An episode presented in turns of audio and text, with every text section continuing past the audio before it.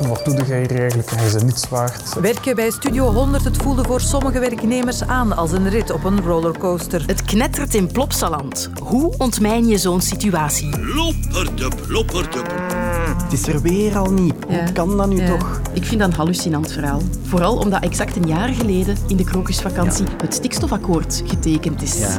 Komt er ooit nog een stikstofakkoord? Bent u Antwerpenaar of bent u Oost-Vlaanderen? En verhuist Zwijndrecht binnenkort naar Oost-Vlaanderen? Ik ben Katrien Boon en ik zoek het voor jou uit in het komende kwartier. Welkom.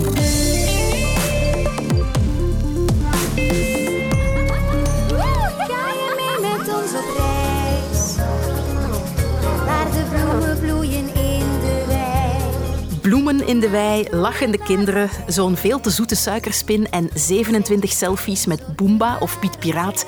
Niks dan goede dingen als je een dagje naar Plopsaland gaat. Maar afgelopen weekend kwamen er barsten in die idylle. Scheldpartijen, vernederingen en pesterijen zouden bij de bedrijfscultuur van Plopsa horen en meer bepaald bij de persoon van de CEO. Tientallen ex-werknemers hebben daarover getuigd in de kranten en ook bij VRT Nieuws. Ik had een cijfer vergeten in een verslag en die smeet letterlijk de, de papieren naar mijn hoofd en begon te roepen, wat doe jij hier eigenlijk? Hij is niets waard. En dus dat was elke week iemand anders. Waarschijnlijk om de controle te houden over zijn ploeg of om te bevestigen, ik ben hier de baas. Maar vanmorgen las ik dan iets heel anders in de krant. Een open brief van 150 personeelsleden van Plopsa die hun CEO en bedrijf 100% steunen. Vol ongeloof hoorden wij het voorbije weekend eenzijdige verhalen over onze werkgever. Plopsa bestaat 23 jaar en als je zonder filter deze verhalen op elkaar gooit, krijg je uiteraard een aangepaste versie van de realiteit. Het doet ons dan ook enorm pijn om te zien dat er een proces gevoerd werd in de media. Samen met alle collega's die deze brief ondertekenen, spreken we over meer dan 500 jaar ervaring, of nog beter gezegd, meer dan 20.000 dagen zonder grensoverschrijdend gedrag. Grensoverschrijdend gedrag. Het is duidelijk, er zit daar een en ander scheef in het land van Maya de Bij en Kabouter Plop. Het moederbedrijf, Studio 100 is dat, heeft intussen een onafhankelijk onderzoek besteld en ook het parket is met een onderzoek begonnen. Maar begin daar maar eens aan. Hoe haal je de angel uit zo'n wespennest? En krijg je zulke diepe plooien ooit weer glad? Goedemiddag. Ik heb organisatiepsycholoog Catalien Bolle aan de lijn, een expert in vervelende situaties op het werk. We hebben mij tot nu toe nog nooit zo genoemd, maar misschien is het wel een goede alias, want eh, dat is het moment waar ik meestal binnenkom in een organisatie. Ja, dat klopt wel. Ja, als we kijken naar de situatie nu bij Plopsa de afgelopen dagen, zo een wespennest, valt daar eigenlijk aan te beginnen? Het is niet alleen de grootte, maar in dit geval ook het feit dat het breed in de media is gekomen. Dat maakt het altijd zeer moeilijk. De essentie van een bemiddeling is dat je zegt tegen elkaar, we gaan in alle vertrouwen proberen hieruit te komen en we gaan proberen het onder ons in eerste instantie op te lossen. En natuurlijk, als het begint met iets wat in de media breed gesmeerd wordt, uh, dan is maar de vraag in welke mate dat men nog die vertrouwelijkheid kan garanderen of überhaupt de ander gelooft dat die vertrouwelijkheid nog gegarandeerd kan worden. Het is in ieder geval niet voor de hand liggend. En hoe begin je er dan concreet aan? Stel, een bemiddelaar stapt daar binnen. Eén, ervoor zorgen dat men dan toch zegt vanaf nu gaan we dit proberen niet meer in de media uit te smeren en we gaan proberen samen aan tafel te gaan zitten. Een ander belangrijk aspect is te gaan voelen van in welke mate is het hier geëscaleerd. En als het echt te heet, te geëscaleerd en mensen echt met te getrokken degens en te veel emotie in zitten, is ook bemiddeling geen oplossing meer. En dan moet je wel bijna een stukje de rechtsgang gaan uh, volgen. Hè. Dus daar ligt dan wel een belangrijke job voor de bemiddelaar om een stukje die thermometer te zijn en te zien van uh, welke interventie is hier al dan niet nog mogelijk of gepast. Ja, in dit geval lijkt het te draaien om de figuur van een leidinggevende. Is het probleem dan niet opgelost als je die leidinggevende verwijdert, zeg maar? Spijtig genoeg is de realiteit vaak niet zo simpel. Pesten, maar ook slecht tussen haakjes leidinggevend gedrag, wordt eigenlijk voortgeduwd niet zozeer door de persoon zelf, maar door het systeem dat er rond zit. De structuren van de organisatie, de cultuur. Dus het verwijderen van zo'n één persoon kan in sommige gevallen een oplossing zijn. In dat geval dat je het echt, echt, echt nergens anders ziet. Dus daar ben je ook als organisatiepsycholoog op getraind om dat een stukje, dat onderscheid te gaan onderzoeken en te gaan zien. Krijg je een conflict van, van die aard en grootte ooit helemaal weg? Of gaat daar altijd iets blijven plakken achteraf? Zeker in deze fase, in de eerstkomende maanden, zal daar zeker dingen blijven plakken. In die zin dat je eigenlijk in het beginmoment daarna een, ja, een grote daling ziet ook van het welzijn en ook een shock-effect. In de literatuur spreekt men ook wel van het second victimization, namelijk de mensen die aan de klok hangen van hey, er is hier iets mis. Die opeens komen ze in het oog van de storm terecht en dan wordt het soms nog groter of zwaarder dan dat men verwacht had. En dan heeft men soms het gevoel dat men eigenlijk ja, nog een keer gescharreld is in het slecht Nederlands te zeggen. Maar tegelijkertijd is het niet zo dat, omdat dit nu speelt, dat het nooit beter kan worden. Nee, maar dan is er wel één heel belangrijke voorwaarde. En dat is namelijk het inzetten op structurele opvolging. En dat ook te laten zien in de daden. En niet alleen in woorden van we gaan dit en dit doen, maar ook effectief structureel, dat men ook iets effectief gaat veranderen. Maar ik onthoud dus dat het nooit hopeloos is, ook al is een conflict nog zo groot. Het is zeker nooit hopeloos. Mijn job bestaat om bijna elke dag bijna met conflicten in aanraking te komen. Ook in situaties waar men zegt, hier is geen oplossing meer mogelijk. We moeten naar de rechtbank en we weten dat zelfs in die gevallen het lukt om een oplossing te vinden. Het is inderdaad nooit echt helemaal hopeloos. Mevrouw Bolle, dank u wel. Heel graag gedaan. Het is krokusvakantie. Misschien zit jij wel op een skilift terwijl je naar deze podcast luistert. Of je bent aan het niksen in je zetel. Allemaal goed. Maar dat is geen optie voor de Vlaamse ministers. Hun vakantieplannen zijn in het water gevallen om de hele week in stilte door te vroeten op het stikstofdossier. Er was het plan om voor de krokusvakantie te landen daarmee, maar dat is niet gelukt. Er is nog altijd geen akkoord. Toch wel vreemd, want als ik de klok een jaar terugdraai, zag het er veel rooskleuriger uit. Ik ben uh, bijzonder verheugd dat ik u vandaag hier in het Vlaams parlement het krokusakkoord van onze Vlaamse regering mag voorstellen. Een akkoord dat de stikstofproblematiek in een definitieve plooi legt. Om het met een boutade te zeggen, voor dit akkoord hebben we water en vuur met elkaar verzoend. Water en vuur. Dat was Vlaams minister-president Jan Jan Bon een jaar geleden. Toen had de regering al een krokusakkoord over, jawel, stikstof. Maar daar is dus weinig van in huis gekomen. Meer zelfs, het zit er weer bovenarms op tussen de coalitiepartners. Ik kom terecht bij Lonne van Erp van onze politieke redactie. Jullie zijn altijd welkom. En ook bij politicoloog Nicolas Bouteka van de UGent met drie vragen over dat netelige stikstofdossier. 1.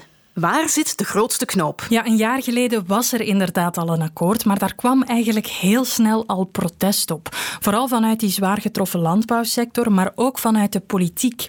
Nu, uiteindelijk werden er 20.000 bezwaren ingediend tegen dat stikstofakkoord van vorig jaar. En nu zegt CD&V, we moeten daar ernstig rekening mee houden.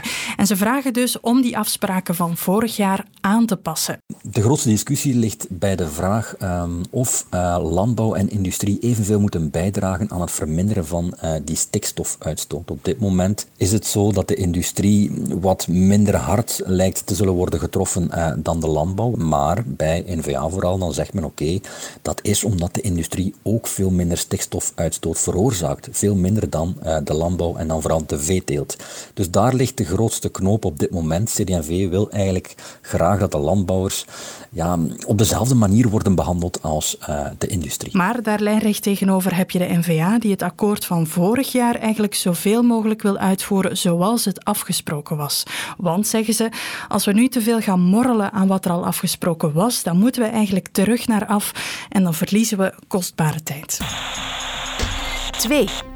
Wat zegt deze crisis over de Vlaamse regering? Dat is een beetje nefast natuurlijk voor de aantrekkelijkheid van die Vlaamse regering en ook voor de aantrekkelijkheid misschien van Jan Jan Bon zelf. Hè. Het was de bedoeling dan toch om uh, met een akkoord te komen, om aan te tonen dat Vlaanderen ook nog kan besturen. Ja, dit is al de tweede crisis eigenlijk voor die Vlaamse regering en dat op enkele maanden tijd. Herinner je, vorig jaar in oktober liep het al een keer grondig mis tijdens de begrotingsgesprekken. Toen omdat CD&V het been stijf hield over de indexering van de kinderbijslag. Nu, uiteindelijk is CD&V toen geplooid. En er was ook nog die andere grote discussie over Ventilus. Ook daar trokken ze uiteindelijk aan het kortste eind. Dus dat allemaal samen maakt ook dat CD&V zich op dit moment eigenlijk geen onderhandelingsnederlaag meer kan permitteren. En ik kan me voorstellen dat dat toch ook een beetje meespeelt. Bij CD&V leeft een beetje de gedachte van, kijk, wij zijn niet langer de dweil van de wedstrijd. Wij waren dat in het verleden misschien en daardoor zijn we heel wat kiezers gaan verliezen. Wel, dat zijn we niet langer meer. Hè. Wij willen eigenlijk ook dat ons programma, ons partijprogramma, wordt gerespecteerd door de andere politieke partijen in Vlaanderen.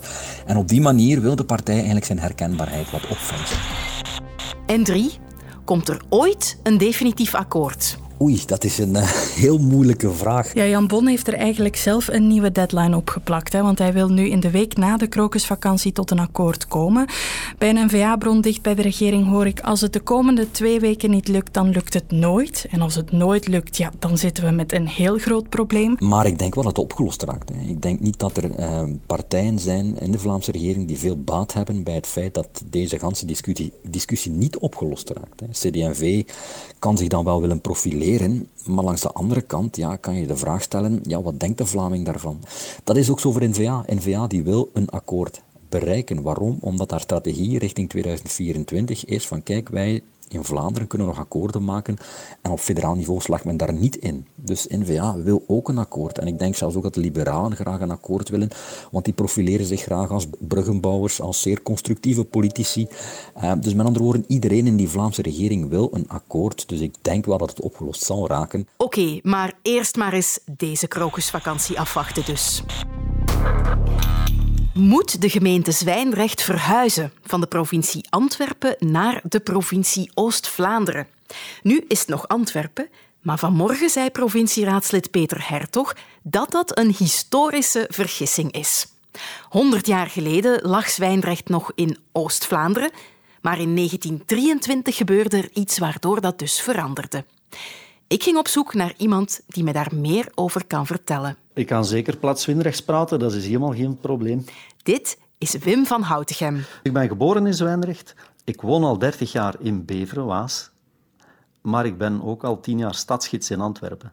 Dus ik ken eigenlijk de drie gebieden heel goed. En als u mij vraagt waar moet Zwijndrecht naartoe, dan denk ik dat Zwijndrecht toch wel bij het Waasland hoort. En hij vindt dus dat Zwijndrecht terug moet naar Oost-Vlaanderen. Maar waarom? En wat is daar allemaal gebeurd in 1923? Na de Eerste Wereldoorlog uh, wil Antwerpen uitbreiden en ze hebben woningnood. En men gaat dus uh, kijken naar de andere kant van de Schelde. En op de Borgerweertpolder, het Vlaams hoofd, willen ze dus uh, een nieuwe wijk gaan zetten. Toen die plannen bekend werden in de jaren twintig, dan uh, was er protest, zeker in Zwijnrecht, met burgemeester Van Bogaert, die dat toch maar niks vond. Burgt was dan ook weer niet akkoord om bij de provincie Antwerpen te komen, want die provinciegrens die zou dwars door een fabriek gaan. De Zwijnrechtenaren hm, die zien dat toch niet, niet goed zitten. En die gaan daar een beetje een koehandel van maken, in de zin dat ze tegen de Antwerpenaren zeggen het is goed, wij willen dat, die polder, want het is maar een polder, we willen die aan jullie geven als wij een tunnel krijgen. Want Zwijnrecht wou vooral ja, naar die economische groeipool hè, gaan kijken en vandaar dat men uh, een tunnel wou. Daar is dan heel hard over, over onderhandeld, ook door Burgt. Maar uiteindelijk uh, is men op 31 maart heeft men het contract getekend, laat ons zeggen, maar zonder garanties voor die tunnel. De aanhechting van een deel van Oost-Vlaanderen bij de provincie Antwerpen is een voldongen feit. Een duizendtal hectare van Zwijndrecht, Burgt, worden bij de grote handelsstad gevoegd. En waarom wou Zwijndrecht dan toch toegeven? Omdat zij door hadden dat uh, de haven en de industrie, ja, die moesten ze ook in Zwijndrecht krijgen. En vandaar dat nu, ten noorden van de expressweg, ook een industriegebied is uh, van Zwijndrecht. En dat is toen eigenlijk begonnen. Wat ons troost dient, is de vaste overtuiging dat wat geschied is voor ons en voor het land van Waas met goede zegen een nieuwe bron van bloei en welvaart zal wezen. Nu, Zwijnrecht is vandaag bij de provincie Antwerpen en dat is eigenlijk niet logisch. Waarom is dat niet logisch? Omdat de Schelde ja, die is uh, heel diep voor een Antwerpenaar, want een Antwerpenaar is een Brabander. Terwijl een Zwijnrechtenaar is een Waaslander, hè, is eigenlijk van Vlaanderen. Dus dat is altijd een, een grens geweest tussen Vlaanderen en Brabant. En dus Antwerpen heeft dan ja, die grens overgestoken. De stad Antwerpen heeft dan linkeroever erbij gekregen. Maar de provincie Antwerpen heeft ook Zwijnrecht en Burg erbij gekregen. Dus die hele oude historische grens die de Schelde was, is op dat ogenblik eigenlijk doorbroken. Het stadsbestuur zal alles doen wat er hoeft gedaan om den linkeroever tot zijn volle ontwikkeling te brengen. Zwijndrecht is nu een fusie tussen Zwijndrecht en Burgt. En dat was ook in 1923 al ja, een groot verschil. In die zin, Burgt is meer een industriële gemeente die vlak aan de Schelde uh, gelegen is. En zij zijn altijd nauwer verbonden geweest met Antwerpen.